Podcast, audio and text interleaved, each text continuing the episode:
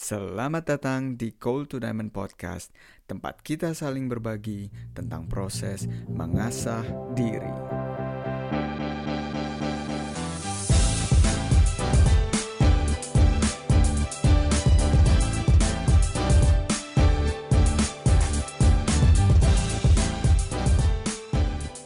Halo Nata, selamat datang di Cold to Diamond Podcast. Hai, Bay. Apa Hai, kabar? hai. Baik, baik, baik, baik. Kabar gue baik. Lu gimana? Baik juga. Baik, baik. Sehat. Baik ya. Dengar-dengar mau pulang nih ya, mau pulang kampung ya. Kita sebelum sebelum recording udah ngobrolin tentang pulang kampung nih. Kapan sih lu rencananya balik? Um, Desember awal sih. Desember awal. Desember Udah. awal. Setelah dua tahun nggak mudik. Dua tahun lu nggak mudik? Enggak. Anjir, lu bakal kaget. Lu di Indo di mana sih? Di Jakarta. Anak Jakarta gue. Jakarta mana? Jakarta Barat. Kebon Jeruk. Eh, oh, lu bakal kaget dua tahun gak balik ke Indo. Yang tidak berubah tuh kalau gue ya, kalau gue udah selama itu nggak balik sih terakhir tuh yang nggak berubah itu udaranya. Lu buka, mm, keluar dari pesawat kan, Jish, udara hangat tiba-tiba langsung berkeringat, ketiak semua basah gitu kan. Tapi pakai rekomendasi ya? Eh, ini boleh sebut merek nggak nih? tapi sisanya, sisanya em, dari terakhir kali tuh bahkan kalau gue setahun nggak balik aja gitu ya, anjing pembangunan maksud gue gedung-gedung tuh somehow gue kira Jakarta tuh udah nggak ada space buat bangun apa-apa gitu ya, tapi selalu ada apartemen-apartemen yang muncul yang gue bingung, eh kok masih ada aja? Katanya banjir, kok masih dibangun-bangun aja, gue bingung banget tuh. Kayaknya karena karena dibangun terus makanya banjir deh. Maksud yang itu dibangun yang dibangun gedung soalnya bukan apa namanya taman Bukan uh, kan? penyerapan gitu iya ijo-ijo. Iya, dan menurut gue mereka juga memakai alasan membangun apartemen itu justru jadi kayak lingkaran setan gitu loh. Gue bangun apartemen supaya tinggi, supaya orang-orang nggak kena banjir. Tapi gara-gara gue bangun, gue jadi kena banjir gitu. Nah, Ya, itu oh, Ini ya. ini juga ngo- ngomongin ngomongin pergedungan ya. Gue nggak tahu tentunya ini ada hubungannya secara langsung atau enggak ya. Tapi mungkin buat para pendengar ya, lu bisa memberikan konteks sedikit. Lu lu tuh backgroundnya eh, kuliah apa? Udah berapa lama di Jerman dan sekarang posisi lu di mana? Mungkin lu bisa share itu dulu kali. Em, ya sebelumnya gue halo dulu kali ya buat pendengar. Iya dong. nama gue eh, Natasha, biasa panggilnya Nata teman-teman. Em, gue di Jerman udah 11 tahun. Nah, ketahuan nih umurnya gue. ya gue udah 11 tahun di Jerman. Em, terus gue dulu sempet kuliah di Hannover, kuliah interior design.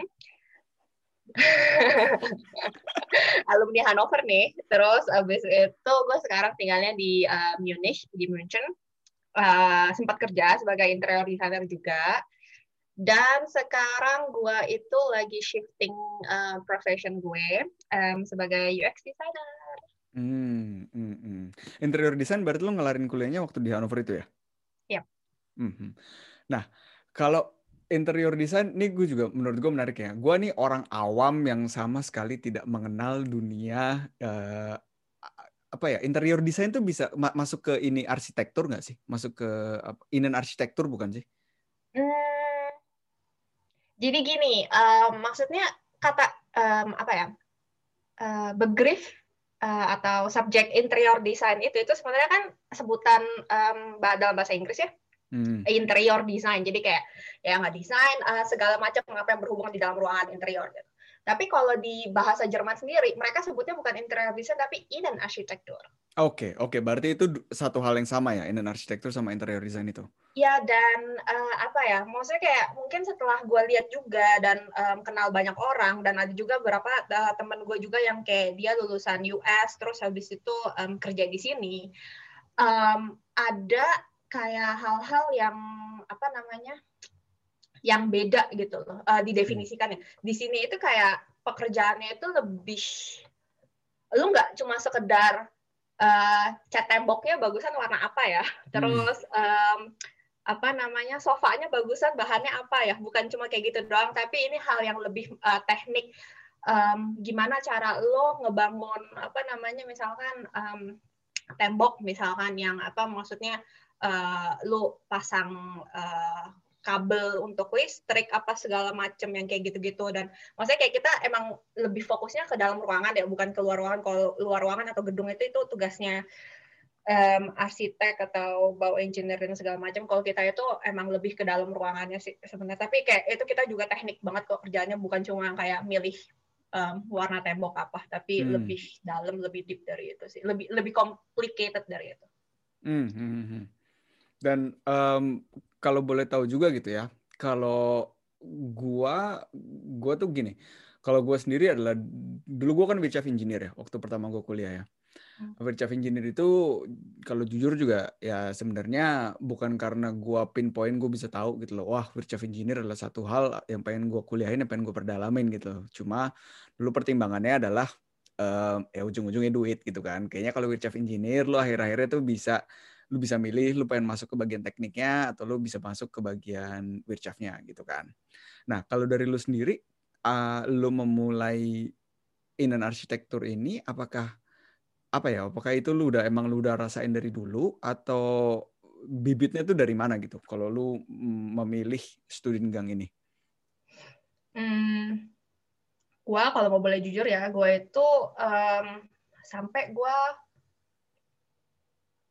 mungkin sampai gue kayak di akhir umur 20-an gue, hmm. um, gue itu kayak masih nggak tahu jelas apa yang gue mau, hmm. basically dan um, maksudnya bukan berarti kayak gue menyesal um, gue memilih profesi gue awalnya sebagai interior designer dan sekarang tiba-tiba gue ganti profesi gitu kan ya hmm. nggak nggak nggak seperti itu gitu cuma um, gue dulu basically um, ter apa namanya terpengaruh atau terinfluence kenapa gue mau interior? Itu karena kayak gue itu fascinated sama gedung-gedung um, gitu. Sama gedung-gedung sama desain gedung segala macam dan kalian pasti tahu apa maksudnya permainan games komputer The Sims. Mm-hmm. um, ya yeah, I mean um, gue suka main The Sims dan kayak and then I thought like yeah okay probably um, interior designer could be the one. I mean at the first place I thought that um, I could study um, architecture Mm. But eventually I thought like, no, this is too technical for me. And then I need something a little bit more into design and then more into art.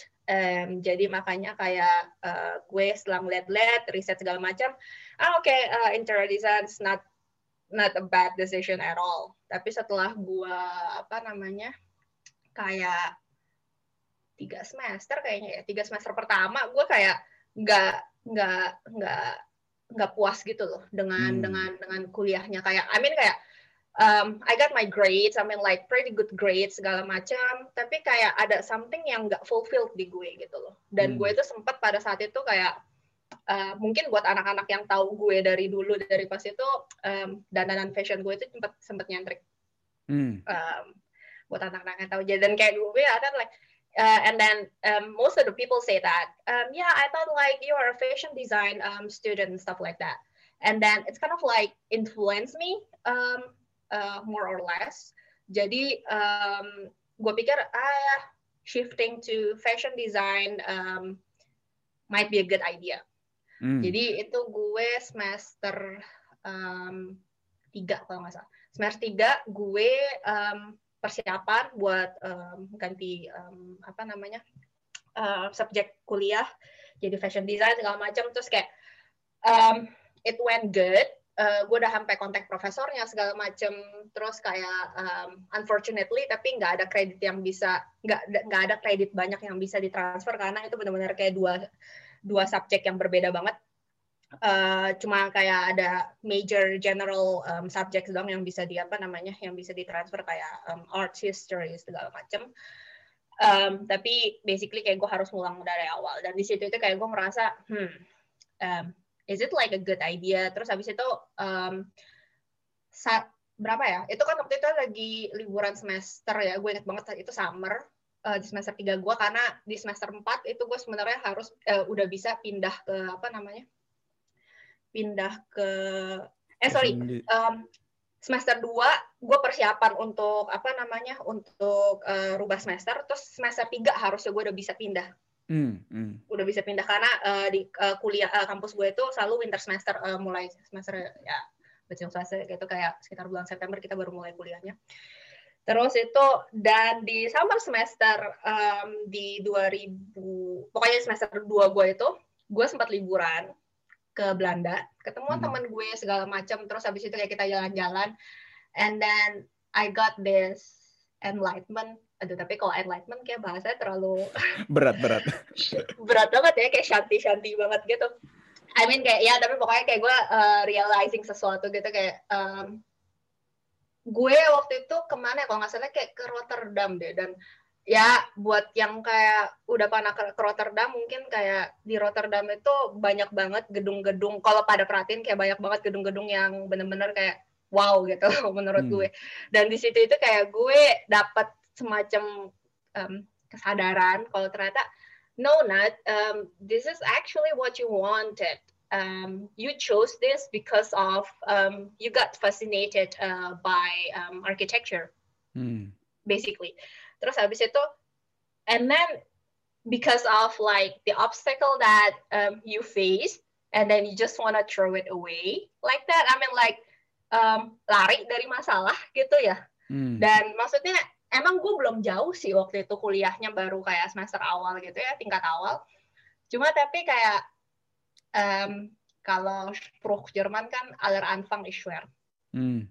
Semuanya dan kayak nggak ada awalan yang mudah semuanya pasti awalan susah gitu loh dan kayak lu mau sampai kapan Nat? Kayak ketika ketemu masalah lu lari terus lu pindah gitu. Lu mau sampai kapan kayak gitu dan kayak nggak ada yang namanya namanya juga kayak hidup ya nggak um, ada yang namanya lu bebas masalah gitu problem loss itu nggak hmm. ada gitu hmm. lu cuma harus facing itu dan apa namanya dan ya udah dan um, that's how uh, people um, get um, stronger uh, by uh, facing problem gitu their own problem. Jadi pada saat itu kayak akhirnya dan setelah gue pikir-pikir lagi nah itu kayaknya juga nggak bukan keputusan tepat juga segala macam ya melihat dari kayak kredit yang nggak bisa transfer segala macam terus akhirnya kayak gue bilang ke profesor gue um, ya sorry uh, gue cancel keputusan gue gue masih bisa nggak uh, apa namanya untuk stay di sini terus mereka bilang iya masih bisa kok. Um, cuma tapi ya itu kayak gue ada satu semester yang keteteran jadinya. Tapi um, gue nggak menyesalkan keputusan itu. Maksudnya kayak istilahnya kayak gue satu semester gue emang nggak nulis eh di di di di, di apa namanya di di subjek studi negang gue itu emang nggak ada nggak ada apa namanya nggak ada ujian. Kita banyak kan kayak ngumpulin proyek doang. Hmm. dan berarti semester itu kayak gue nggak gitu banyak ngumpulin proyek. Tapi di situ itu kayak gue punya waktu buat apa namanya buat berpikir jadinya. Hmm, hmm, hmm. Kayak what you really want. Dan hmm. di, gue somehow nggak menyesal sih. Gue ngebuang satu semester. I mean kayak it's just a semester. And iya, then yeah, itu, itu itu gue juga pengen perdalam lagi deh. Karena gue juga kadang suka ngerasa gitu ya bahwa um, I get it gitu ya. Kalau lo emang pengen ngejar regal semester, eh apa regal student side, lo pengen kuliah tepat waktu ini itu ini itu. Tapi kalau gue ngelihat sekarang gitu ya, gue introspeksi ke belakang ya, gue juga tentunya tim kuliah lama gitu ya. Jadi gue nggak tahu nih bias atau enggak pilihan apa pemikiran gue. Tapi kalau gue tuh be honest, gue ngeliat ke belakang tuh um, kayaknya lu di dunia kerja nggak ada yang peduli deh lu satu dua atau tiga semester kuliah lebih lama daripada regal side as long as ini satu juga gue waktu itu sempat ngobrol sama Husin juga dia menurut gue pendapat dia juga pinter banget gitu. As long as lu bisa menjual diri lu dengan baik. As long as lu bisa verpaken itu dengan baik lu bisa ngasih alasan bukan alasan ya um, lu bisa reason tuh apa sih? Alasan ya bahasa Indonesia ya tapi kan bu bukan excuse ya tapi reason. Uh, uh, kenapa lu membutuhkan waktu yang lama? Dan menurut gue um, kita sebagai orang asing bisa bertahan di negara orang aja tuh udah 10 semester sendiri ya? kali ya. udah ya? udah good haven 10 semester sendiri yang harusnya di unrehnen lassen gitu loh. Enggak, enggak, enggak. Tapi maksud gue maksud gue itu tuh juga sesuatu yang kayak gitu. Kalau menurut tuh kayak gitu nggak sih? Kalau sekarang lu juga udah sempet kerja gitu ya. Apakah apakah satu satu dua tiga semester itu adalah sebuah hal yang penting atau worth it nggak sih orang tuh like go melakukan segala cara dan stres dan bahkan mungkin ya di, di imajinasi gue tidak menikmati masa-masa kuliah hanya untuk mengejar regular student saat gue 6 atau 7 semester ya itu yang harus gue raih gitu. Worth it nggak menurut lo? Um, tergantung ya menurut gue maksudnya itu nggak ada kayak um, buku teorinya gitu kayak ya uh, orang itu harus maksudnya kayak mungkin yang kayak kita kenal kalau misalnya di Indo um, sekolah, kelar SMA, terus kuliah, terus kelar kuliah, terus harus kerja, dan ya kalau misalnya lo master, lo master, terus habis itu lo nikah, lo punya anak, dan that's it, like uh, your life um, gonna hmm. end gitu, like hmm. that gitu. Tapi menurut gue itu itu um, beda di setiap orang gitu. Maksudnya kayak gue nggak bisa bilang kayak oke okay, ini orang um, kuliahnya lancar 6 semester, 7 semester, um, dan itu yang benar yang harus dilakukan atau kalau nggak oke okay, lu harus ngaret kayak um, satu semester um, satu tahun dua tahun tiga tahun atau ya terserah mau berapa lama itu gitu maksudnya kayak selama lu itu enjoy di situ dan selama hmm. lu itu satisfied dan merasa kayak oke okay, this is what like what I'm doing right now is right hmm. um, itu yang penting sih menurut gue dan kayak kalau misalkan contohnya kayak gue nggak tahu yang lain tapi ini contohnya gue kayak yang kemarin gue ngaret satu semester. Itu um, enggak sih sebenarnya gue ngaret dua semester cuma tapi yang semester berikutnya kita cerita nanti lagi aja. Hmm. yang ngaret satu semester ini gara-gara gue mau pindah kuliah um, itu juga hal yang I mean kayak kalau misalkan pada saat itu gue nggak stop satu semester dan gue langsung oh ya udah Nat lu lanjutin aja gitu loh. Dan kayak nggak digging sebenarnya kayak nyari tahu curiosity gue sebenarnya gue itu mau arah mana segala macem uh, mungkin gue bakal stres juga kali ya hmm. uh, pada akhirnya dan itu bisa jadi leading to mental breakdown. Mm, mm, mm, mm. Dan eventually like mental health um, itu penting ya dan apalagi kayak sekarang belakangan ini lagi uh, tema yang lagi apa namanya lagi hype banget mental health gitu dan banyak banget orang-orang yang um, apa namanya ngedukung support ya ya mental health segala macam terus yang kayak ya dan sebagainya gitu banyak banget kayak gue ketemu um, link-link atau apa namanya uh, Instagram profile yang apa sih kayak support mental health segala macam jadi kayak um, ya yeah, basically um, what I did um, it wasn't wrong and then but like I enjoy it and then I didn't even regret it. Hmm. Lu ngerasa itu sebuah privilege yang lu dapetin karena lu berada di luar Indonesia nggak? Hmm, privilege apa nih? Dengan lu bisa mengambil satu semester satu semester apa ya?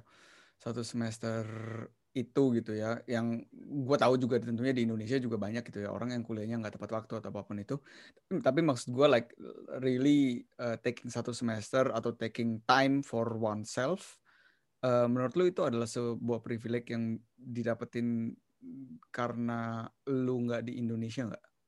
Karena pandangan uh, karena karena pe, pe, pe, apa namanya peng, pengalaman gue yang gue dengerin juga gitu dari teman-teman gue adalah kalau di Indonesia tuh lu kayak hmm, pressure-nya tuh sangat gede untuk uh, ya yang tadi udah lu bilang gitu monsternya gitu lu kuliah kuliah tiga tahun habis kuliah lu kerja habis kerja lu merit gitu gitu sehingga uh, di saat lu decide untuk take time for yourself people gonna think like lu tuh nggak produktif enough.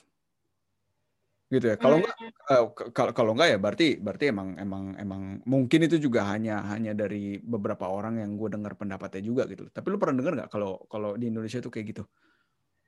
Um, ya gue pernah dengar dan itu yang gue perhatiin juga dari teman-teman gue rata-rata itu kayak udah apa sih namanya patternnya itu udah kayak gitu gitu kelar hmm. SMA terus ke, uh, kuliah terus kuliahnya um, lancar istilahnya maksudnya kayak mau di kalau mau disamain kayak kita gitu ya maksudnya kayak mereka udah wisudaan terus kalau kita kayak apaan tuh wisuda? Kayak kita hmm, besok masih harus ada ujian gitu dan kayak gue nggak tahu bakal lulus apa kagak yang semacamnya. Terus habis itu ketika kita lagi apa namanya sibuknya buat apa namanya ngurusin disertasi segala macam terus mereka udah yang kayak eh iya kita merit. Terus kita nyari kerja mereka udah punya anak yang hmm. yang yang kayak gitu-gitu. Maksudnya kayak kita mungkin um, verpas banyak hal tapi menurut gue itu bukan suatu hal apa ya kita nggak verpas juga menurut gue. I mean kayak gue nggak merasa verpas juga di situ dan uh, kalau pertanyaan lu tadi apakah ini sebuah privilege um, gue di Jerman jadi gue bisa ngaret kuliah itu enggak juga gue bilang privilege-nya itu adalah bukan karena gue di Jerman tapi karena orang tua gue support gue hmm. gitu. hmm. Hmm. Uh, itu privilege yang gue dapat tapi maksudnya kayak wherever I am um, gue tahu orang tua gue itu bakal support gue dan mereka itu kayak um, gue bersyukur banget sama maksudnya punya orang tua yang understanding banget ke anak-anaknya dan kayak enggak pushy um, kayak orang tua orang tua yang gue suka denger dari orang-orang lain yang kayak memaksakan kehendak mereka um, ke anaknya eh, ka, ka, kamu harus kuliah ini kamu harus kuliah ini. Kayak gue enggak ya buktinya kayak gue mau kuliah apa namanya interior design mereka kasih terus gue bilang gue mau pindah ke fashion juga mereka iya iya aja gitu kan. Hmm, hmm. Um, yang semacamnya kayak gitu sih. Jadi kayak privilege buat gue uh, nggak ter maksudnya privilege gue itu nggak terbatas di lokasi tapi lebih kayak ke orang-orang di sekitar gue yang support gue Hmm, hmm, hmm, nice, nice, nice.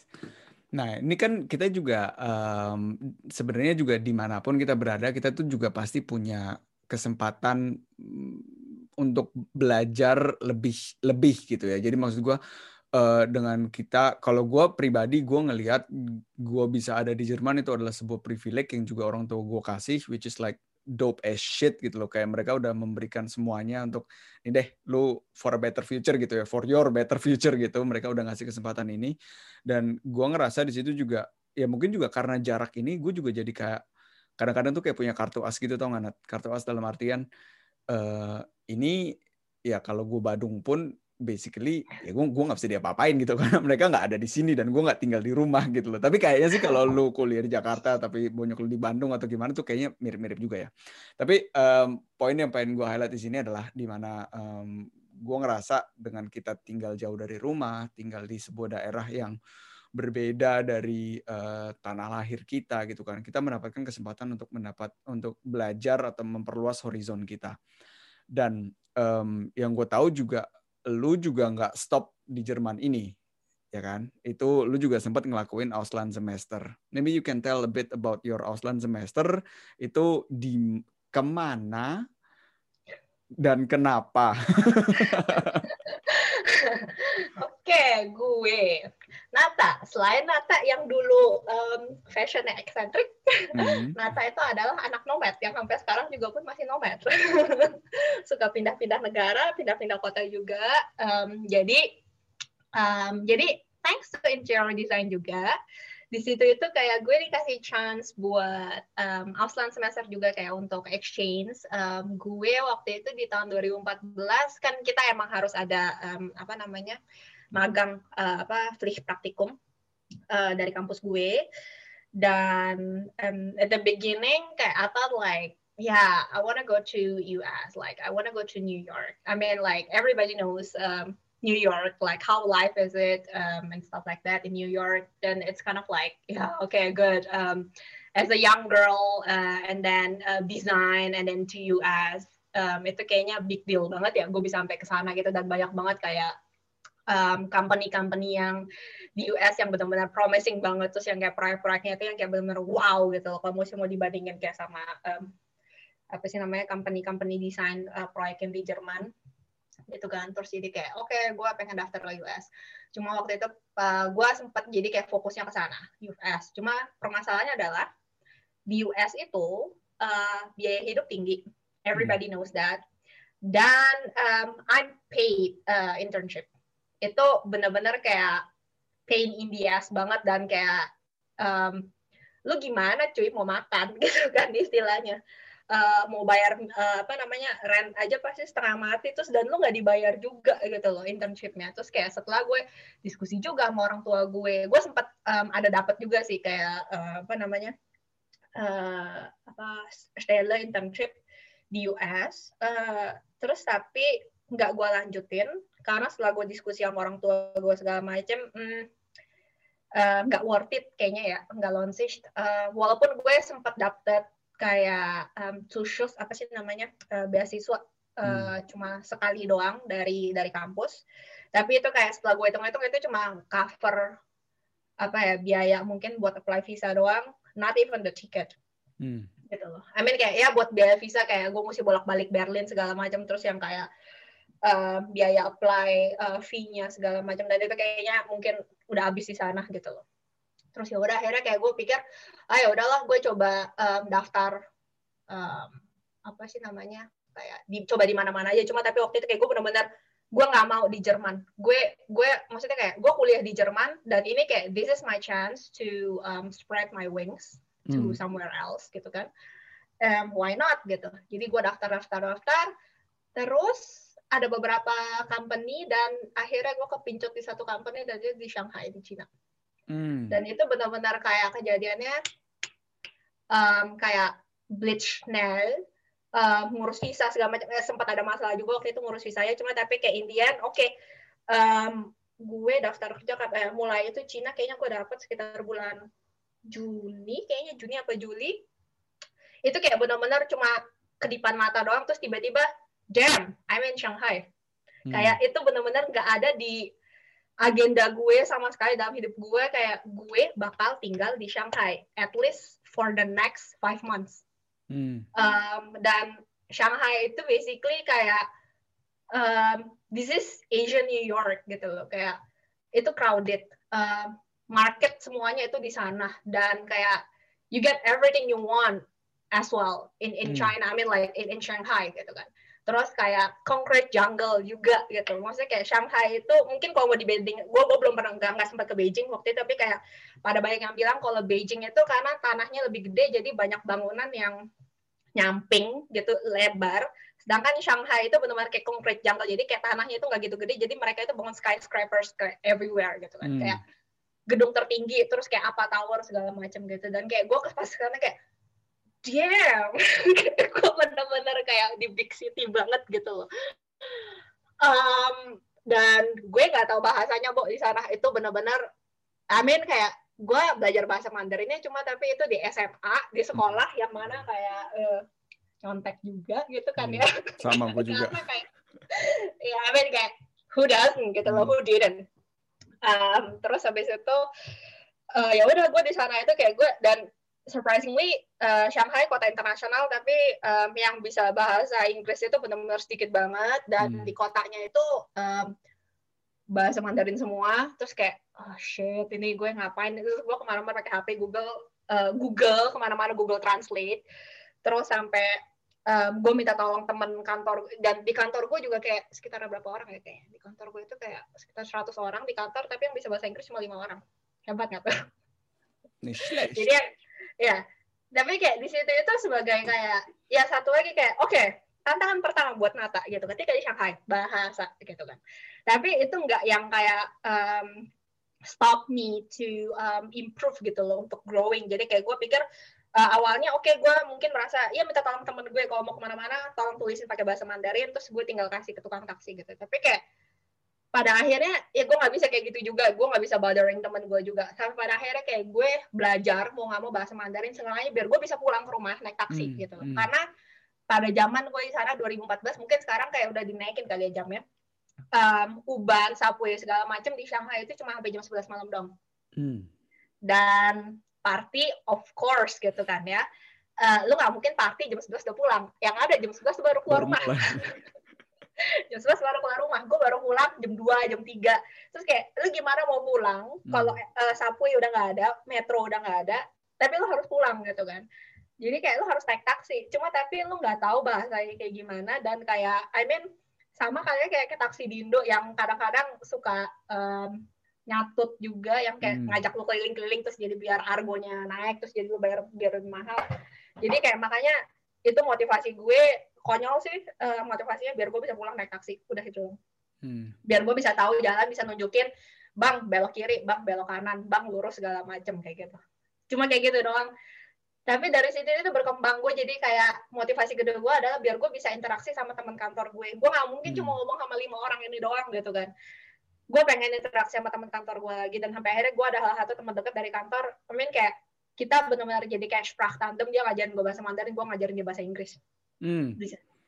Terus um, dan surprisingly dari sana itu gue kayak tiga bulan setelahnya gue bisa belanja di pasar dan gue bisa nawar Yo, se, se uh, segila orang Cina-nya langsung orang lokal langsung gue oh, nawarkannya. wow. tiga bulan. Dan tapi berapa sih lama? kan totalnya totalnya di sana berapa lama? Um, lima bulan gue di sana. Lima bulan. Ya, ya dan kayak sama um, ya sebulan pertama stres terus dua bulan mulai yang udah terima kenyataan terus tiga bulan gue udah mulai bisa settle segala macam empat bulan enjoy terus bulan kelima ya harus, harus balik gitu kan. iya, itu iya. yang kayak benar-benar ah oh, god shit gitu kan harus balik cuma tapi kayak that was experience gitu terus abis itu di situ itu kayak gue jadi uh, dibukain kayak perspektif gue. Um, gue kenal banyak orang lagi um, karakter orang yang berbeda dan kayak gue jadi tahu um, apa namanya um, culture baru dan hmm. alasan. Maksudnya mungkin orang-orang kadang suka ih um, orang-orang um, cokin itu kayak gini kerja apa maksudnya kayak kelakuannya segala macam gitu. Tapi kayak ketika gue di sana gue belajar kultur mereka aha gue tahu kenapa mereka kayak gitu sekarang hmm, hmm. yang kayak misalkan kok mereka suka kayak malsuin barang apa segala macam kayak bikin KW KW gitu dan kayak setelah gue sana aha gue baru ngerti kenapa kayak gitu dan um, apa namanya kayak lu jadi lebih apa ya um, empatik lebih empati ya bener mungkin lebih hmm. empati karena lo tahu backgroundnya gimana dan lo itu understanding gitu loh hmm. kayak hmm. Uh, culture mereka kenapa mereka bisa seperti itu gitu. Hmm. Hmm. dari situ kalau gitu top three things dari lima bulan di Shanghai itu apa buat lo? Um, yang pertama um, top three-nya makanan. Oh ya? I love foods itu street foodnya gila banget Enak di ya? sana. Ya? Enak banget. Gue hampir nggak pernah masak ya, pernah sih beberapa kali dong. Cuma tapi kayak dapur gue bersih banget dan gue kerjaannya itu cuma uh, belanja makanan doang. Uh, makanan murah-murah. Terus habis itu um, selain polusi yang tinggi, hmm. Yang ke mana-mana pakai masker. Uh, orang orang udah pakai masker di sana sebelum corona mereka udah pada hmm. pakai masker ya. Um, apa lagi ya yang kedua ya? Um, gue suka apa ya di sana ya kayak um, lifestyle-nya sih. I mean kayak um, Iya lifestyle-nya sih sana. Dia hmm. tuh kayak event everywhere, every day. Um, terus kayak dan orang-orangnya juga dan gue juga banyak teman, maksudnya bukan orang local Chinese dong, tapi kayak gue banyak kenal expat juga karena kayak gue download um, apa namanya application Meetup. Gue di situ hmm. banyak ketemu orang segala macem. Dan um, iya sih mengenal orang lokalnya segala macem dan um, ya berfungsi itu ya meetup ya? Gue juga tahu sih tentang episode tapi uh, belum belum pernah make sampai sekarang. Tergantung negaranya sih cuma tapi gue sempat make pas gue pindah ke Munchen ini ya hmm. itu kayak nggak terlalu maksudnya kayak tergantung ya tergantung lokasi juga karena kayak event-eventnya di sini kayak buat gue nggak gitu menarik menarik sedangkan hmm. pas di Shanghai itu kayak banyak banget eventnya kayak dari yang kayak film screening um, terus habis itu kayak um, opening art gallery terus hmm. habis itu um, fotografi even kayak ada gue sempat uh, join uh, grup um, Southeast Asian group hmm. dan itu kerjanya cuma makan doang itu jadi kayak lu hopping setiap kali meet up ketemuan lu dari satu restoran ke restoran lain lu coba restoran Thailand lu coba ada restoran Indo juga lu coba maksudnya kayak dan di situ itu kayak lu uh, spread your wings kayak networking, hmm, hmm, kenal hmm. orang banyak, koneksi segala macem gitu. Dan di situ itu kayak gue tahu ada satu restoran Indo dan gue jadi kenal manajer restorannya. Dan waktu itu sempat ada acara kayak um, semacam seminar apa gitu, uh, ada raffles. Gue cuma iseng-iseng ikutan doang. Hmm. Ternyata gue menang dapat iPhone 6 bu. Oh my god, what the fuck? Anjing membawa berkah banget ini Shanghai cerita. Buset. Jadi basically ya moralnya adalah ke Cina um, lah, jalan-jalan lah ke Cina. oh ya jangan lupa ke Cina gitu. Enggak enggak enggak. Enggak maksudnya um, spread your wings lah. Maksudnya yeah, kayak yeah, yeah. Uh, lu benar-benar kayak buka mata lu untuk coba untuk networking. I mean kayak buat gue bukan yang kayak lu jadi SKSD sama orang ketemu orang di jalan, hmm. hey what's up kayak gitu itu itu creepy ya menurut gue. Enggak cuma tapi kayak maksudnya kayak um, connect lah sama orang terus um, coba networking buka diri lo terus belajar untuk jadi open minded gitu. I mean kayak kalau misalnya coba bayangin gue di Shanghai kerjaan gue cuma kantor rumah kantor rumah kantor rumah dong dan gue nggak hmm. ketemu siapa-siapa kayak ya mungkin gue nggak bakal dapat iPhone 6 ini kali. Hmm, hmm, hmm. Nah tapi apakah kerjaan pada saat lo lagi di Shanghai itu juga um, apa ya? Kalau dilihat dari segi zahlich dari segi kerjaannya aja gitu ya, apakah itu juga memang um, apakah lu mendapatkan sesuatu kayak itu kan masih tentang in an architecture sih. Hmm. Uh, dan dan apakah lu kayak hmm, apa ya skill yang lu dapat di sana tuh beda dengan skill yang lu dapat di Jerman atau atau atau gimana? Hmm, kurang lebih sama sih ya. Cuma hmm. tapi di sana itu, eh maksudnya kayak hmm, kurang lebih sama. apa yang Hmm. gue kerjain sama apa yang gue pelajarin di situ. Um, karena um, di sana itu kayak gimana ya gue ngomongnya ya. Um, itu karena perusahaannya juga kayak middle big gitu kayak 100 orang di kantor jadi Hmm. um, ada departemen-departemennya sendiri gitu jadi kayak gue nggak mengerjakan um, satu proyek sendirian tapi kayak Hmm. gue cuma ngerjain satu bagian kecil doang dari proyek itu misalkan kayak gue cuma uh, apa ngebikin 3D gitu cuma di situ Hmm. doang gitu tapi um, ada orang lain lagi yang apa namanya yang bikin technical drawingnya segala macam jadi nggak gue. Ya yang kayak gitu sih. Ya. Um, tapi basically apa yang gue pelajarin um, di kuliah sama ya, di tempat internship gue itu sama.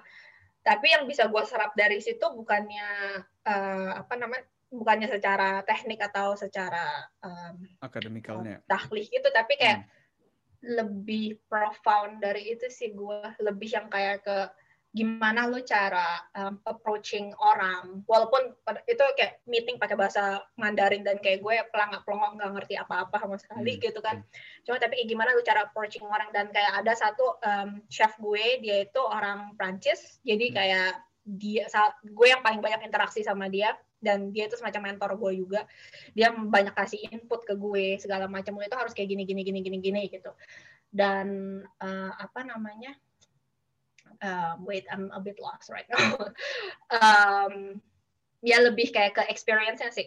Hmm, hmm, hmm, hmm. Ya, ya. experience yang gue dapat di situ. Bukan bukan dari sebagai lu pakai kerja pakai program apa segala macam apa yang bisa lu um, implementasi dari kuliah lu. Bukan bukan situ sih. Itu lebih kayak lebih profound dari itu lebih um, ya experience yang gue dapat sih itu Iya, itu sam- sama kayak bocah-bocah yang Erasmus di sini juga kayaknya kayak gitu sih. Meskipun mereka ada satu semester gitu ya di Jerman gitu ya. Tapi Hmm. basically experience yang mereka dapetin ngumpul sama anak-anak Erasmus lain karena gue dulu gue juga sempat masuk ke ada satu temen temen dekat gue yang di Erasmus itu ya basically kalau lu ngeliatin ya kerjaannya ya networking networking Klammer auf party Saufen dan kawan-kawan Klammer zu ya gitu tapi memang itu em, apa namanya itu adalah poin atau fokusnya yang mereka dan mereka juga sadar gitu akan hal itu gitu. Jadi nggak ada expectation wah gue sekarang sa- satu semester di Jerman gue harus mendapatkan knowledge yang jauh lebih lagi daripada tempat gue berada itu itu mereka juga nggak ngelakuin kayak gitu sih. Dan iya sih berarti in arsitektur ya lu banyak juga ya maksud gue di di di path ini di jalur ini lu udah mendapatkan banyak skill banyak experience juga dan lu juga kerja dua tahun ya kemarin ya atau berapa lama? Tiga tiga tahun Sogar. Tiga tahun di bidang di bidang ini gitu ya. Sampai lu akhirnya eh, decided buat ganti haluan. Ganti haluan. Nah itu prosesnya tuh gimana Nat? Maksud gua apakah feeling lu udah wah gua nggak mau di sini lagi nih itu tuh apakah itu udah la, udah lama gitu terpendam gitu ya? Sampai eh, dan lu memang udah nyarinya juga lama wah gue mau melakukan apa nih? Ataukah atau itu lebih ke instant gitu. Ah ini gue nggak mau dan gue uh, ambil decision ini sebelum sebelum karena gue juga tahu banyak yang kayak gini gitu loh. Gue harus ngambil decision untuk keluar dari jalur ini sebelum gue terlalu dalam di bidang ini. Karena semakin dalam itu akan semakin sulit keluar. Karena Hmm. verantwortung lah karena umur lah karena apa pun itu alasan-alasannya gitu loh. Kalau di story lu gimana? Ah di sto di story gue em, itu awalnya dari Shanghai sih sebenarnya di Oh, situ itu kayak gue ya not not exactly uh, that tapi kayak pas habis di Shanghai itu kayak gue ngerasa di Shanghai mungkin orang-orang tahu ya maksudnya kayak um, etos kerja Asia yang gue jam 11 malam kadang-kadang baru pulang kalau misalnya gara-gara deadline dan um, waktu itu sempat kayak ada um, national holiday hari Senin kalau nggak salah. Senin apa Selasa gue lupa. Um, jadi lu tetap tapi harus kerja lima hari. Jadi weekend lu masuk karena lu ada satu hari kepotong um, holiday jadi lu harus masuk weekend. Anjir. Terus habis itu kayak misalkan oke masuk kerja jam 9 um, di di mana di kontrak sih ngomong lu um, jam 6 pulang gitu kan. Tapi kalau chef lu belum pulang uh, lu nggak pulang. Hmm. I mean buat gue itu exception. Karena mereka bilang ya dia foreigner uh, punya apa namanya etos sendiri dan lagi kayak ini anak cuma apa namanya intern doang jadi kayak ya udahlah. Cuma tapi teman-teman kantor gue kayak gitu kayak iya ini chef uh, eh, gue kadang-kadang ajakan eh pulang bareng yuk kita makan gitu kan dinner bareng gitu. Ah nggak bisa soalnya ini dia si chefnya belum pulang. Terus kayak ya terus eh, nggak uh, bisa gak bisa ditanyain besok kan kenapa uh, kalau misalnya mau pulang cepet ditanyain kenapa lu mau pulang cepet kenapa? kayak gitu.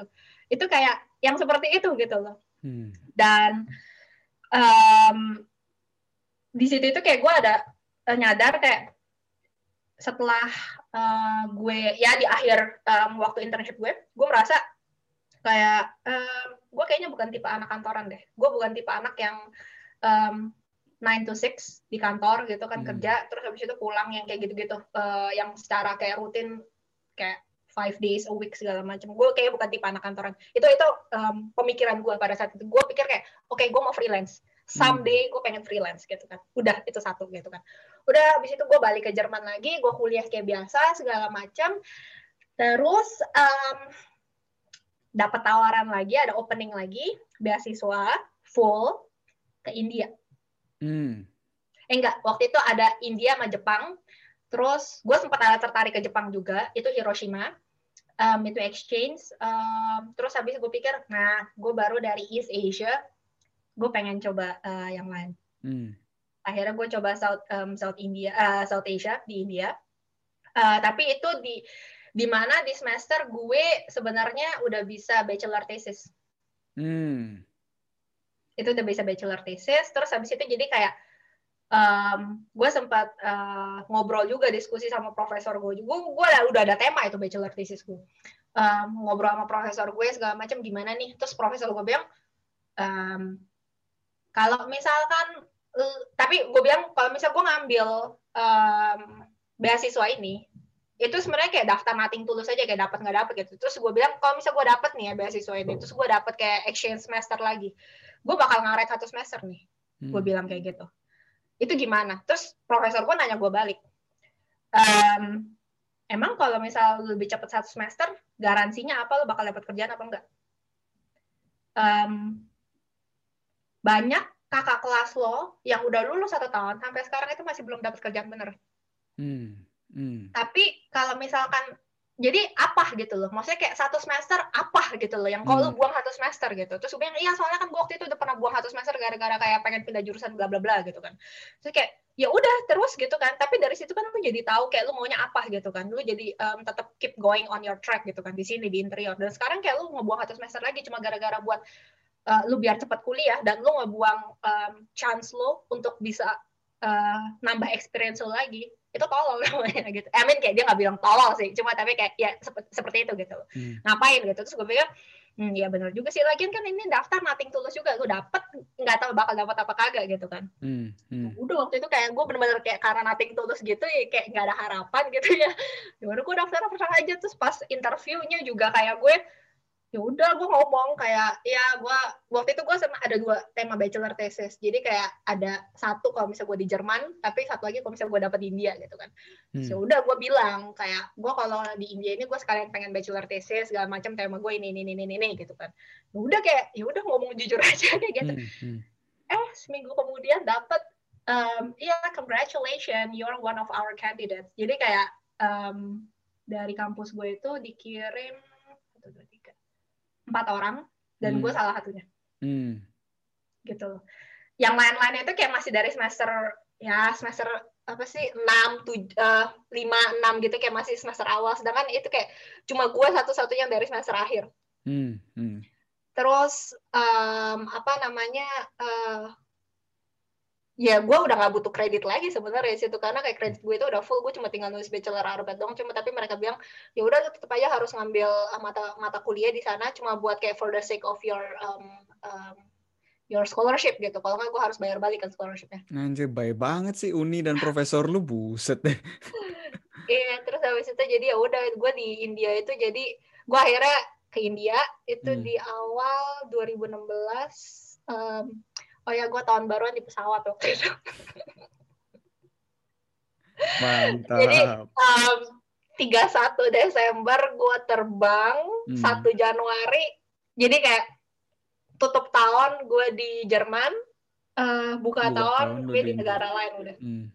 ya buka tahun gue um, keluar bandara udah nyium bau apa namanya bau dupa apa segala macam bau kari dan dan lalala gitu. Terus kayak damn you're crazy Nat. Ya gue di India gue di Ahmedabad um, itu benar-benar experience yang beda lagi dari yang di Cina. Uh, kayak dan banyak orang dan keluarga gue sempat orang tua gue itu sempat kayak um, skeptis. Hmm. agak nggak setuju ketika tahu gue di India karena kayak as you may know uh, banyak berita yang gak enak ya datang dari India gitu kan. Apalagi buat cewek gitu kan hmm. di India cuma tapi ya udah gue kayak fuck it gue dapet scholarship gue hmm. pergi masuk gue mau buang gini aja gitu kan udah gue di India um, uh, gue sempat kuliah di sana juga maksudnya kayak ya ngambil mata pelajaran for the sake of scholarship di situ itu juga gue uh, riset soal uh, bachelor thesis gue. Bachelor thesis gue itu um, gue ngambil scope-nya dari um, Indian Street Children. Hmm. Jadi gue bikin sekolah, sekolah berjalan.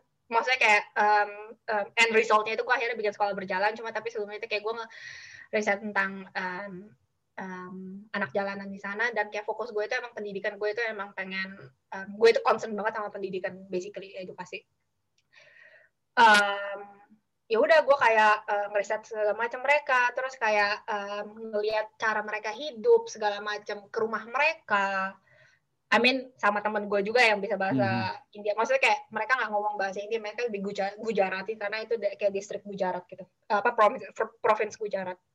Um, terus habis itu um, sempat kenalan nama organisasi juga di sana organisasi yang um, ngurusin anak-anak um, jalanan kayak gitu segala. Dan kayak gue mendengar behind stories tentang mereka itu kayak touching banget sih dan kayak ada yang heartbreaking juga uh, ngedengerinnya terus kayak gue sempat yang kayak um, apa ya nggak breakdown sih kayak lebih merasa um, ini bener gak sih yang gue lakukan karena kayak gue hmm. jadi terlalu involved gitu loh sama karena itu terlalu um, apa ya kayak semacam chill grupe gue itu terlalu keras gitu loh hidupnya istilahnya hmm. gitu kan. Dan kayak gue sempat involved dan gue sempat yang kayak pengen cancel aja tema gue kayak gue bikin tema yang biasanya cuma tapi kayak ah enggak lah Nat masa kayak lu kabur lagi sih? Gitu kan. Hmm. kayak ini kan yang lo mau gitu. Terus ya udah akhirnya kayak gue tetap keep going segala macem. Uh, dan waktu itu juga sempat ada kayak susah juga ngontek sama profesor gue gara-gara kan kita beda beda waktu hmm. waktu itu kayak bedanya bisa sampai um, eh enggak sih cuma kayak tiga jaman doang gitu sama India kalau nggak salah tiga setengah jam kalau nggak salah uh, cuma tapi ya itu maksudnya kayak ya beda waktu segala macam terus harus skypean dan gue juga ada betroyer juga sih dari um, di, di di kampus gue yang di India gitu hmm. um, ya udah di situ itu kayak gue um, pas kelar ngerjain bachelor thesis gue itu di situ gue ngerasa kayak hmm, gue pengen ngerjain hal yang lebih profound, yang lebih deep dari sekedar lu ngebangun sesuatu hal yang indah. Hmm. Gue pengen, karena gue enjoy, ternyata gue enjoy proses riset gue di India. Proses gue kayak menclok-menclok dari satu, ketemu satu anak ke anak lain lagi. Terus dari satu organisasi ke organisasi lain lagi. Terus habis itu kayak nyamper, yang seperti itu gitu loh. Kayak kenal behind the story mereka. Terus kayak kenalan apa sih yang mereka butuhin, apa sih um, goal mereka sebenarnya, apa hmm. masalah mereka gitu dan itu kayak itu memotivasi gue untuk kayak gue pengen ngasih solusi yang apa namanya uh, yang terbaik untuk masalah mereka dengan knowledge gue based on design gitu loh. Hmm, hmm. Itu seperti apa gitu kan. Dan um, Lider pada saat itu um, profesor gue nggak ngelihat itu. Profesor gue lebih ngelihat ya kerjaan lo itu kurang in arsitektonis, kurang interior design. Karena kita hmm. itu basically student yang interior design dan arsitektur, tapi kerjaan lo lider nggak kayak gitu. Cuma kayak oke, okay, maksudnya kayak gue ngerti dari uh, sudut pandang mereka, feedback mereka, tapi um, yang penting buat gue adalah gue puas ngerjainnya. Walaupun kayak mungkin untuk NRGP sih nggak puas karena gue kelamaan di riset gue tahu maksudnya gue time management gue pada saat itu kayak buruk banget. Ya kan gue main-main juga ya di India ya jadi kayak hmm. gimana juga gitu. Um, ya maksudnya kayak I could have done better than that like for my result. Tapi anyway gue suka gue gue gue enjoy banget dengan prosesnya pada saat itu. Jadi akhirnya kayak gue bilang ke profesor uh, betroyer gue gue bilang karena dia nanya abis ini lo mau ngapain uh, abis ini kan lu udah kelar kuliah istilahnya lu mau ngapain? Hmm, gue nggak tahu. Gue gue pengen um, rehat dulu sejenak.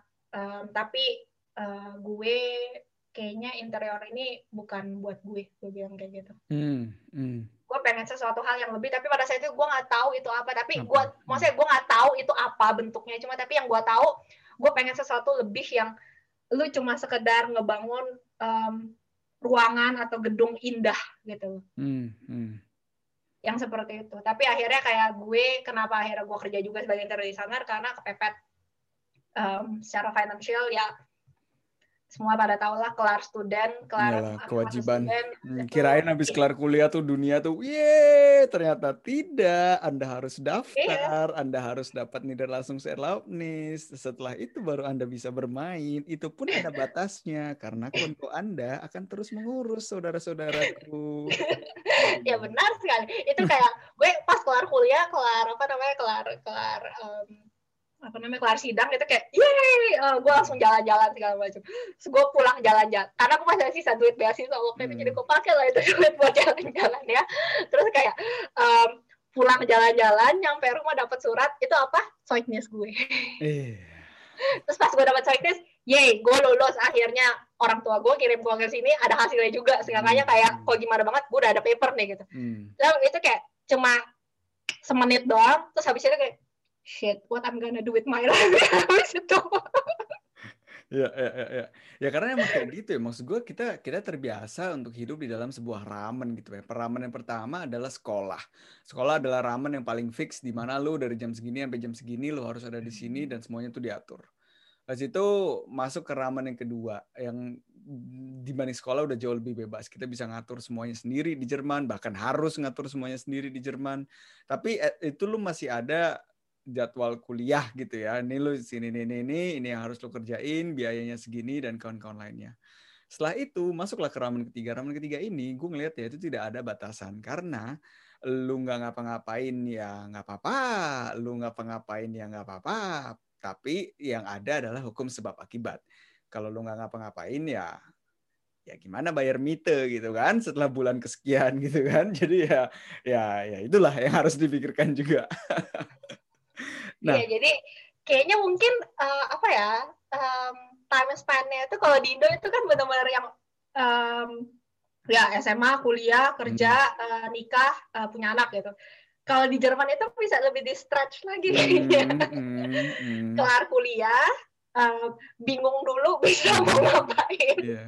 Di Indo lu nggak ada waktu buat bingung. Di Indo lu nggak ada waktu buat bingung. Iya, harus karena ada yang mencutin lo kayak, nih yeah. abis ini, nih abis ini, nih abis ini. Yeah. Kalau di sini kayak udah sempet di kuliah pun juga lo kadang-kadang masih bisa kegalauan dulu terus kayak tapi di sini itu kayak ya kelar kuliah lo masih sempat bingung dulu nyari kerja hmm. uh, struggle dulu nyari kerja terus udah nyari kerja pun udah dapat kerja pun masih bisa bingung juga hmm. yeah, kayak yeah, gitu yeah. loh Ya, ini uh, disclaimer juga ya buat teman-teman yang dengerin ya. Ini adalah um, sebenarnya kita kita tidak mem, me, menyebut bahwa di Indonesia itu lebih baik atau lebih buruk atau di luar Indonesia itu lebih baik atau lebih buruk tapi ini adalah um, setiap orang kan punya realita masing-masing ya dan ini kita di sini emang cuma pengen share uh, secara jujur dan secara gamblang aja gitu loh apa yang kita rasain dan belum tentu benar belum tentu salah dan nggak ada yang benar nggak ada yang salah sebenarnya ini adalah cuma perasaan apa yang kita rasain aja gitu kan hmm. dan um, setelah dari lu akhirnya decide juga gitu ya untuk pindah uh, haluan itu dan yang yang gue agak sedikit bingung sebenarnya lu kan sekarang pindah jadi UX UI designer ya uh-huh. itu interestnya dari mana Nat? Karena itu adalah dua dunia yang berbeda kan sebenarnya kan? Iya dan tapi um, nah itu tadi maksudnya kayak journey gue sampai gue ke sini sekarang hmm. itu nggak ada sedikit pun yang gue menyesali itu karena kayak itu adalah proses buat gue dan itu yang membawa gue sampai ke gue titik gue yang sekarang Nata hmm. yang sekarang gitu jadi kayak pengalaman kerja gue di tiga tahun kemarin ini itu kayak yang bikin gue makin ada apa namanya uh, maksudnya setiap orang itu punya caranya masing-masing kali ya untuk bisa apa namanya untuk bisa berkembang sendiri dan untuk bisa uh, mendapatkan enlightenment nah di sini itu kayak begrip enlightenment hmm. lebih pas hmm. nih kayaknya hmm. uh, apa namanya um, ya yang seperti itu dan di kantor gue itu sebelumnya kita itu um, itu retail design basically hmm. kita yang yang kita retail sama gastronomi restoran segala macam tapi kita punya apa namanya tochter unternehmer um, apa sih bahasa Indonesia tochter unternehmer kayak anak perusahaan ya hmm. Hmm. hmm, hmm. ya anak perusahaan um, itu ya anaknya bos gue sendiri dia itu buka perusahaan digital marketing oh dan kita itu banyak ada apa sih namanya kayak kerjasama untuk beberapa proyek kayak gitu. Um, nah, keterta di situ itu kayak gue makin realize, oh ketertarikan gue selama ini yang gue sadar ketika gue di India, ternyata itu ada toh namanya subjeknya. Hmm. Hmm. gitu loh di sana dan I mean bukan digital marketing cuma tapi yang mereka kerjain adalah kayak mereka mempelajari um, apa kebutuhan customer apa kebutuhan kunde terus seal-nya mereka apa goalnya mereka apa um, solusi yang mereka kasih itu apa gitu loh. Mereka juga fokusnya itu lebih kayak ke teknik kayak lebih ke um, augmented reality segala macam ya hmm. ya sebenarnya. Karena ya ya marketing digitalnya gitu. Uh, tapi di situ itu kayak gue juga sempat ngomong sama um, kolega kerja gue dari dari anak perusahaannya itu segala macam. Um, di situ itu kayak gue baru tahu oh uh, ternyata begrip UI UX design itu ini toh. Jadi hmm. ini toh selama ini yang gue cari dan yang gue temukan di India gitu ya. Karena di India itu gue cuma tahu itu kayak oke okay, ini namanya sistem design atau design design thinking gitu. Hmm, hmm. Tapi nggak ada yang namanya jurusannya gitu loh. Jurusannya hmm. itu apa? Nggak tahu gitu. Itu kerjanya apa juga nggak tahu. Ternyata oh itu toh namanya. Ya udah dari mulai situ kayak gue udah mulai riset, kadang-kadang suka baca artikel tentang apa namanya um, experience design segala macam sampai akhirnya dan akhirnya gue juga sempat ada masalah juga di kantor. Apa bukan masalah gimana sih tapi lebih kayak uh, masalah dari diri gue sendiri. Gue makin merasa kayak um, this is not what I want gitu. Gue sempat stres juga di kantor um, kayak soalnya apa ya kayak dipaksa untuk melakukan hal yang gue sebenarnya nggak mau. Apa bukan dipaksa juga sih cuma tapi kayak terpaksa karena keadaan. Itu kayak semacam apa ya comfort zone gue sebenarnya kayak hmm. kantor itu gue um, good but salt di situ kayak gue dapat apa nama salarynya juga oke okay. dan gue juga tinggal di München buat yang pada belum tahu München itu uh, biaya hidupnya itu salah satu yang paling tinggi di Jerman hmm. um, jadi kayak lu untuk bisa survive di sini kayak lu juga lu nggak bisa yang kayak luntang lantung gak ada kerjaan antara lo harus kerja atau kalau aku dapat warisan orang tua lo yang tajir banget uh, yang seperti itu gitu loh. Dan jadi kayak dan itu comfort zone gue dan atmosfer kantor gue juga enak. Jadi kayak oh ya udah um, entaran deh daftar kerja entaran deh entaran deh. Hmm. yang karena kan kayak lu mau daftar kerja lu harus siapin CV lu. Portfolio harus disiapin lagi segala macam itu yang kayak gue pulang kerja itu udah malas ngapa-ngapain. Gue pulang kerja cuma pengen oke okay, gue masak gue makan gue Netflix udah kelar. Cuma ini entaran daftar kerja untuk beras yang baru nih ya iya. Hmm. terus weekend itu kayak gue pikir ya udah kerjaan weekend. Tuh sudah weekend kayak gue lu udah gak punya tenaga lagi. Kayak iya Ivan lu weekend gue bisa ngapain? Gue gegoleran aja mendingan di rumah atau kalau gue jalan-jalan gue gak tau ngapain gitu gue main-main gitu kan. Ngapain gue ngurusin lagi di uh, komputer? Nah akhirnya gue uh, sampai akhirnya gue itu tipe orang yang harus um, istilahnya Jerman ins ins kalte Wasser geschmissen. Jadi kayak hmm. harus benar-benar di apa namanya didorong gitu hmm. sengaja datanglah pada tahun ini. Maksudnya kayak di awal tahun ini gue udah bilang, um, this is the year for me. Um, buat gue uh, making decision. Pokoknya hmm. intinya kayak gitu. Gue cuma ngomong gitu doang. Datanglah corona. Hmm. Datang corona. Terus unfortunately um, perusahaan gue itu kayak hampir ngekat setengah dari um, apa namanya um, pekerja pekerjanya. Hmm. Terus dan gue salah satunya yang kena. I mean itu bener-bener itu kaget nggak kaget sih buat gue. Karena kayak hmm. gue tahu di tahun sebelumnya juga kayak we didn't really make um, good gitu kan uh, in terms of um, apa namanya omset gitu.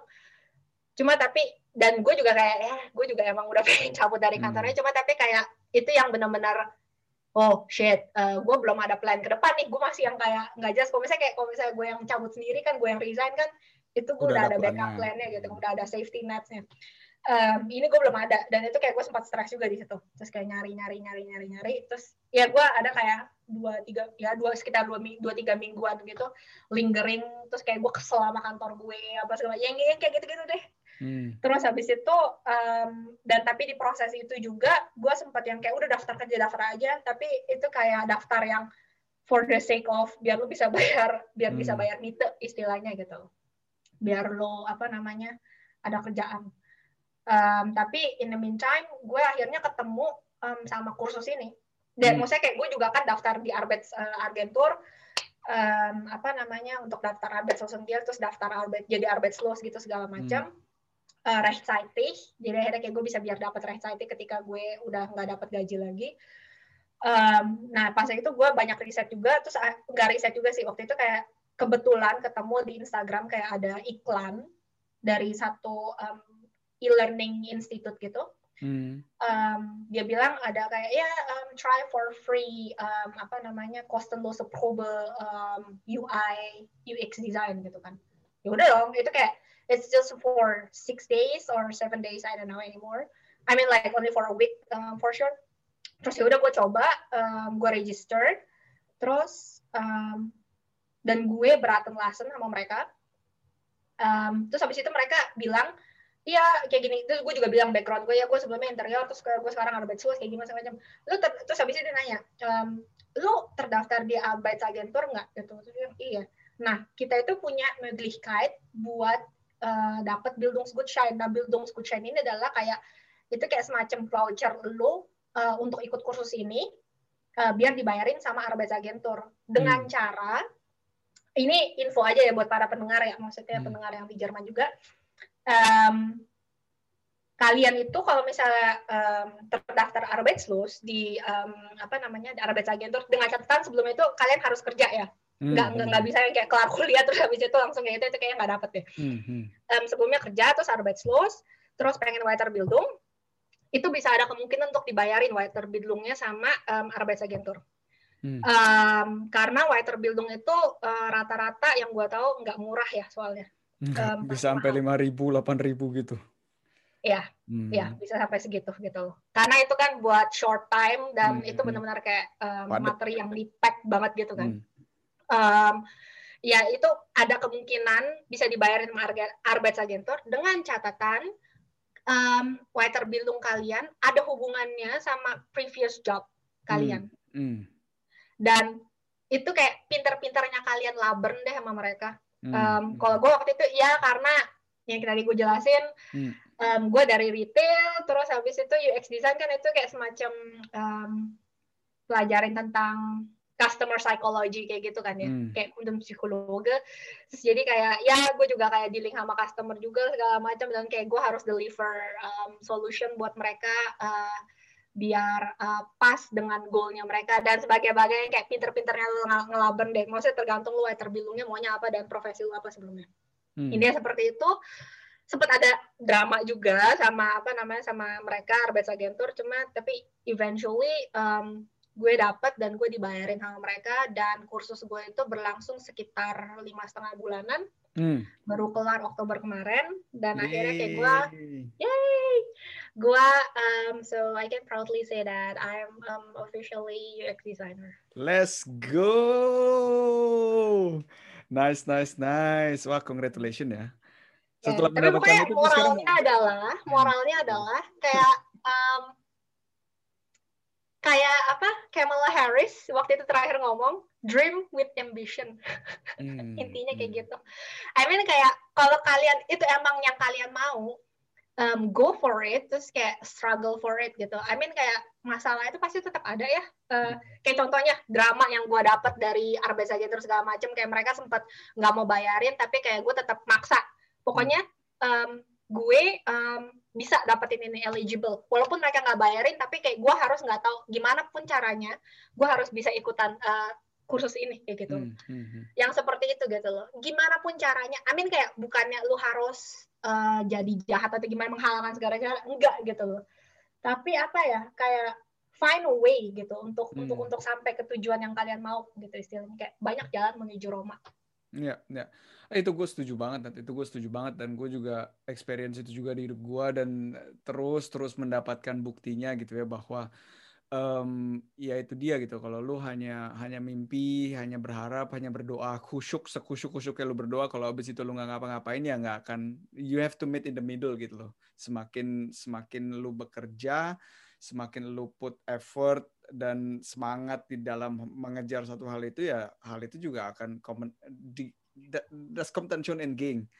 ketemu di tengah gitu loh ketemu di middle-nya gitu loh. Dan ya itu menurut gue story yang ini banget sih story yang apa yang yang mutih juga gitu loh. Karena kita juga um, apa kita juga sempat ngobrol karena kondisi kita sama lah. Gue juga dari dari dari satu beras yang uh, ada hubungannya sama insinyur tapi gue ada interest yang lain gitu loh. Dan gue juga emang gue ngerasa juga tips yang barusan lokasi itu bisa sangat ber guna untuk teman-teman di sini gitu ya. Dan gue juga cuma bisa menggaris bawahi apa yang lu bilang sih kalau misalkan ada sesuatu hal atau sesuatu perasaan atau sesuatu mimpi lah atau keinginan gitu ya go for it. Just just go for it gitu loh and and and find a way gitu loh. Dan kadang way-nya munculnya dalam bentuk apa yaitu kita juga di saat ini itu nggak bisa bayangin dengan otak yang kita punya gitu loh. Karena si kemungkinan karena kalau sekarang lu ngitung secara matematika betapa kecilnya kemungkinan lu melihat iklan itu di Instagram nomor satu. Nomor dua, betapa kecilnya kemungkinan mereka lagi ada probe satu minggu itu. Plus dan segala-segala kemungkinan-kemungkinan kecilnya yang menghasilkan lu sampai di titik ini gitu loh. Dan itu ini banget sih. Maksud gue, inspiring story. Very, very inspiring. ya, dan apa namanya, I mean, ini mungkin terdengar terdengar klise sih ya. Hmm. Cuma tapi kayak banyak banget gue suka ngeliat quotes gitu dan ini emang quotesnya bang bener banget gitu. Um, kalau itu emang buat lo, hmm. itu pasti akan ada waktunya emang datang ke lo gitu. Hmm. Tapi bukan berarti kayak lu cuma ongkang-ongkang kaki di rumah hmm. doang, lu di depan Netflix doang. Hmm. Um, hal itu akan datang ke lo. Enggak, lu itu harus um, nyari juga mungkin kayak iklan dari Instagram itu nongol di gue karena kayak mungkin dari um, apa namanya sistem Algoritma. dari Google Analytics segala macam kayak karena gue udah sempat um, hmm. preset itu di Google hmm. terus jadi itu kayak masuk ke database mereka terus kan? itu mereka hmm. iya keluarin ad, jadi kayak re, re, dalam tanda kutip kayak mungkin retargeting ke gue marketingnya hmm. mereka keluarin advertisement melalui Instagram atau social media yang gua gua buka gitu loh hmm. dari situ juga gitu mungkin jadi kayak menurut gue um, coincidental iya tapi not entirely sih menurut gue Ya maksud gue itu coincidental itu pun bisa terjadi karena lu udah ngetik dan mencari itu di Google juga kan? Iya, iya. Ya, jadi jadi lu udah melakukan effortnya itu juga gitu loh. Iya, iya. Iya, iya Tapi kapan datangnya itu? Nah itu udah. Nobody knows gitu itu nggak ada yang tahu. Gitu. Iya. Ya, dan gak ada yang kayak gue, eh besok datang ya ke rumah lo kayak gitu, enggak yang kayak gitu juga gitu kan. Jembatannya, buat gue pribadi ya, jembatannya itu adalah apa yang gue sebut dengan faith. Jembatannya adalah apa yang gue sebut dengan percaya. Udah lu nggak usah rempong-rempong, lu pen, lu lu berusaha untuk ngitung kapan ini datang, lu punya harapan, ya lu lakuin apa yang bisa lu lakukan saat ini ya gitu ya kapan datang ya udah lu lu siap-siap aja buka tangan aja kalau misalkan datang oh ya terima kasih gitu ya si faith itu aja lah yang harus punya gitu ya sampai sampai lu benar-benar mendapatkan hal tersebut. Iya. Gitu. Wow, Nat, kita sampai ke satu pertanyaan terakhir nih, Nat. Kita sudah sampai ke penghujung acara nih. Satu pertanyaan terakhir dan ini pertanyaan yang juga aktual yang gue juga super interested mendengar ini dari lu. Dengan mendengar, mengetahui sekarang background lu dan cerita hidup lu lebih dalam lagi ya. Mimpi terbesar Nata yang sekarang saat ini tuh apa, Nat? Hmm. Gue cuma pengen jadi orang berguna aja sih. I mean, ya berguna dan ngenyusahin orang lain udah itu aja sih buat gue. Dan kalau misalkan gue mati nanti ya, gue udah nggak ada nanti, gue bisa meninggalkan legacy yang positif buat orang, buat hmm. orang-orang hmm. sekitar dan apa pun sekitar gue, entah itu alam, entah itu manusia, binatang kayak whatever itu kayak gue nggak tahu tapi ya itu mimpi gue. Wow. Itu itu simple tapi so powerful. Simple and yet so powerful. Well Nat thank you banget. Lu udah mau share cerita lu lu udah mau berbagi insight insights dan berbagi tips juga gitu ya ke kita gitu ya. Gue juga yakin bahwa uh, pendengar-pendengar ini juga akan bisa mendapatkan sesuatu dari conversation kita, mendapatkan games-games untuk perjalanannya, tidak hanya dengan perjalanan di Jerman, tapi juga perjalanan dalam hidupnya. Dan ya, buat yang ngedengerin, thank you banget kalau lu udah ngedengerin episode kali ini. Um, stay happy, stay healthy, and I'll see you guys in the next episode. Thank you, Nata. Thank you juga, thank you juga, bye. Dadah.